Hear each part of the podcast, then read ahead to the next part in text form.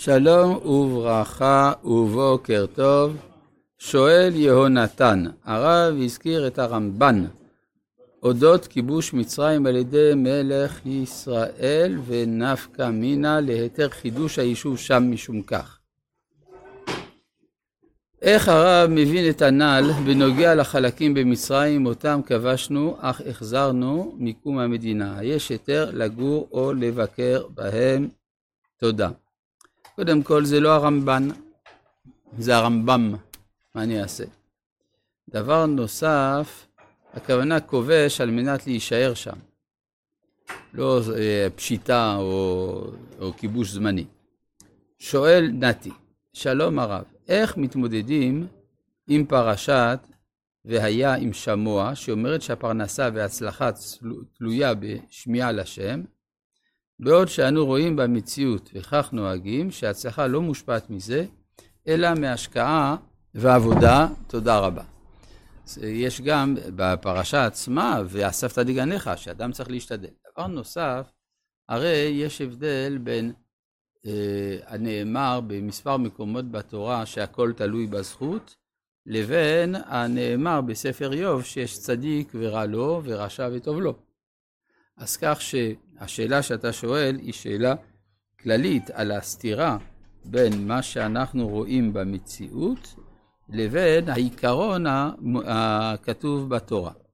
על זה יש ספר שלם של רמח"ל בשם דעת תבונות, שעוסק ביחס בין שתי הנהגות של הקדוש ברוך הוא בעולמו, הנהגת הייחוד והנהגת המשפט, עיין שם היטב ודעת נפשך ינעם. אנחנו ממשיכים בפרק י"א של ספר דברים בפרשת עקב, בפסוק כ"א. כן, התחלנו כבר, למען ירבו ימיכם ובניכם על האדמה, אשר נשבע השם לאבותיכם לתת להם כימי השמיים על הארץ.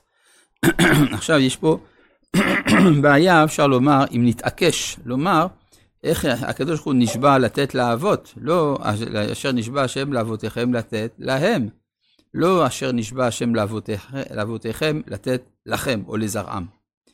אז uh, הגמרא במסכת סנהדרין אומרת מכאן לתחיית המתים מן התורה. כלומר שלא ייתכן, הרי הקדוש ברוך הוא הבטיח לאבות, והאבות לא ירשו את הארץ. לכן הם צריכים לקום לתחייה כדי לרשת את הארץ, ועל זה נאמר, מכאן תשובה לאומרים אין תחיית המתים מן התורה. שזה לכאורה ראייה קלושה מאוד, כי ברור שנשבע לתת להם, ולא נתן להם, אז נותן במורשה ליורשיהם. זה כמו להבדיל, אם מישהו גוזל ממון מחברו, חברו מת, אז הוא נותן ליורשיו. כן? אז גם פה אפשר להגיד, לתת להם, ולכן הוא נותן לכם. אבל יש פה משהו הרבה יותר עמוק, והוא שבעצם שיבת ציון היא כמין תחיית המתים. כן, יש בגמרא, שוב במסכת סנהדרין, שהמינים שאלו את רבן גמליאל מניין שהקדוש ברוך הוא מחיה מתים. הביא להם הוכחה מן התורה ומן הנביאים ומן הכתובים, ולא קיבלו ממנו. כן, שם מביאים שם שלוש הוכחות, ושלושת ההוכחות המינים דוח, דוחים, בקושיות מסוימות, עד שאמר להם מקרא זה. איזה מקרא אמר להם? הפסוק שלנו. אשר נשבע השם לאבותיכם לתת להם, להם, לכם לא נאמר אלא להם, מכאן נדחית האמיתים מן התורה, וקיבלו.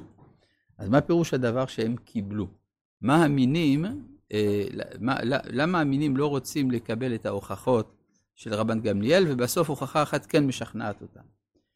הטענה של המינים היא הרבה יותר מקיפה ממה שאנחנו אה, יכולים לחשוב בהתחלה, הם טוענים שעם ישראל מת. עם ישראל מת ואין לו תחייה. כיוון שאין לו תחייה, אז בעצם הוא הוחלף על ידי אומה אחרת. על זה נאמר, אה, אם אתה רואה שעם ישראל קם לתחייה, אז זה ראייה שעם ישראל לא מת. כן, זה בעצם התחיית המתים שדובר עליה, זה תחיית המתים הלאומית. כמו שביחזקאל גם רואים שחזון העצמות היבשות זה תחיית המתים הלאומית, שעם ישראל יוצא מן הגלות וחוזר לארצו. למה קיבלו? לא, כשזה קורה, אז הם מקבלים. זה הכוונה. מה? כן.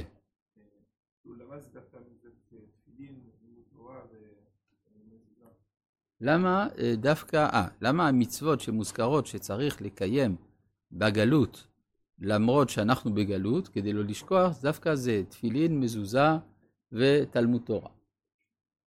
אז קודם כל יש גרסת הגר"א. במקום תפילין ומזוזות, הוא גורס תרומות ומעשרות, זה אותם ראשי תיבות.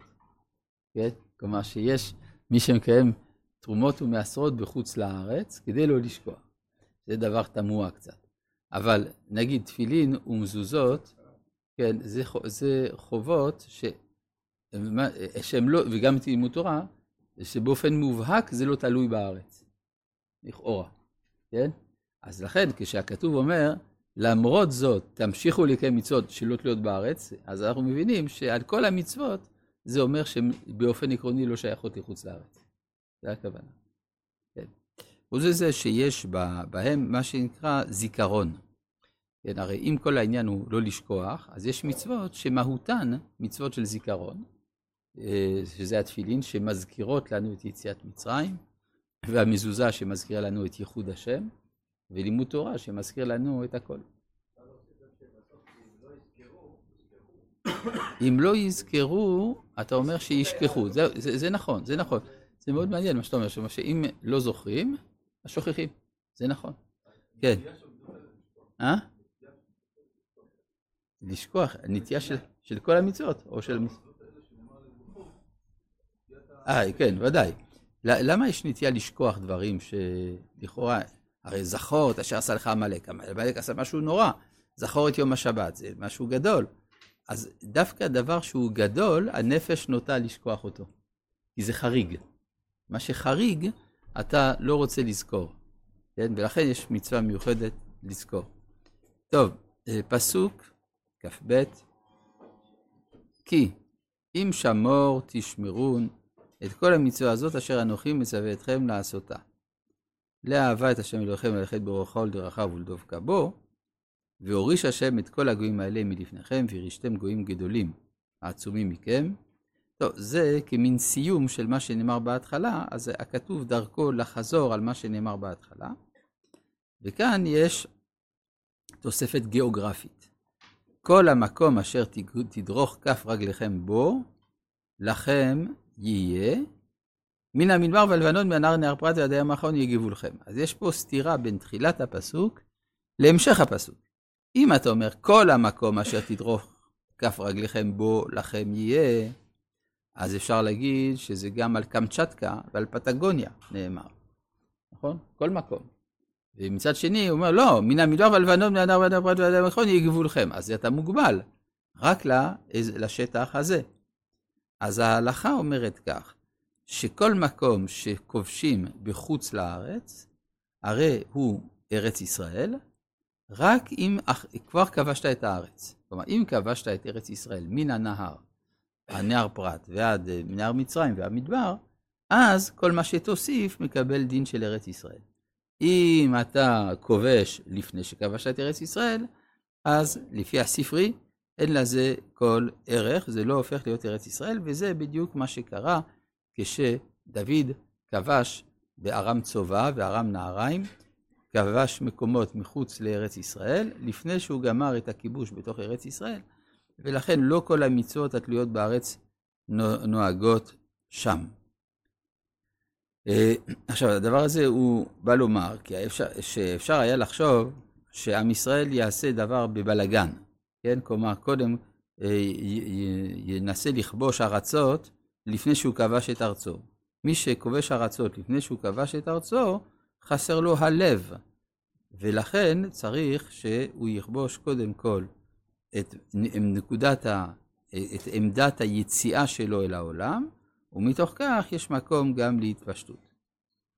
לא יתייצב, מה?